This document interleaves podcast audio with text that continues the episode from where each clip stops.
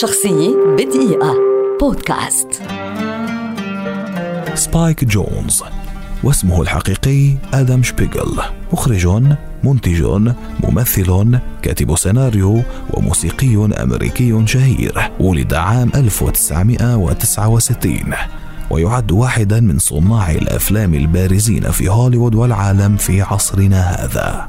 بدأ سبايك نشاطه الفني عام 1989 لكنه اشتهر وحقق نجاحه الكبير الأول بعد تعاونه مع المؤلف تشارلي كوفمان في فيلم Being John Malkovich عام 1999 والذي رشح عنه لجائزة الأوسكار كأفضل مخرج. عام 2002 قام بإخراج فيلم Adaptation من كتابة كوفمان أيضا.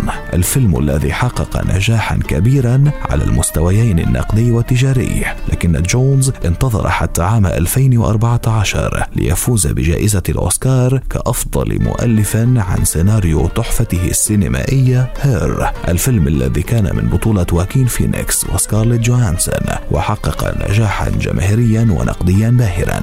ومن أفلامه التي حقق حققت نجاحا ملحوظا أيضا نذكر فيلم Where the Wild Things Are.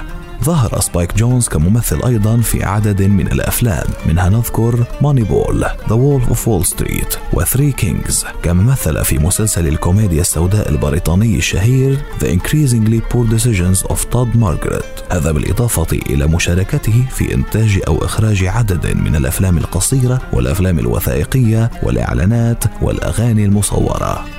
على صعيد حياته الشخصية. تزوج سبايك جونز عام 1999 من المخرجة الأمريكية الإيطالية صوفيا كوبولا واستمر زواجهما حوالي أربع سنوات قبل أن يعلنا طلاقهما عام 2003 شخصية بدقيقة. بودكاست.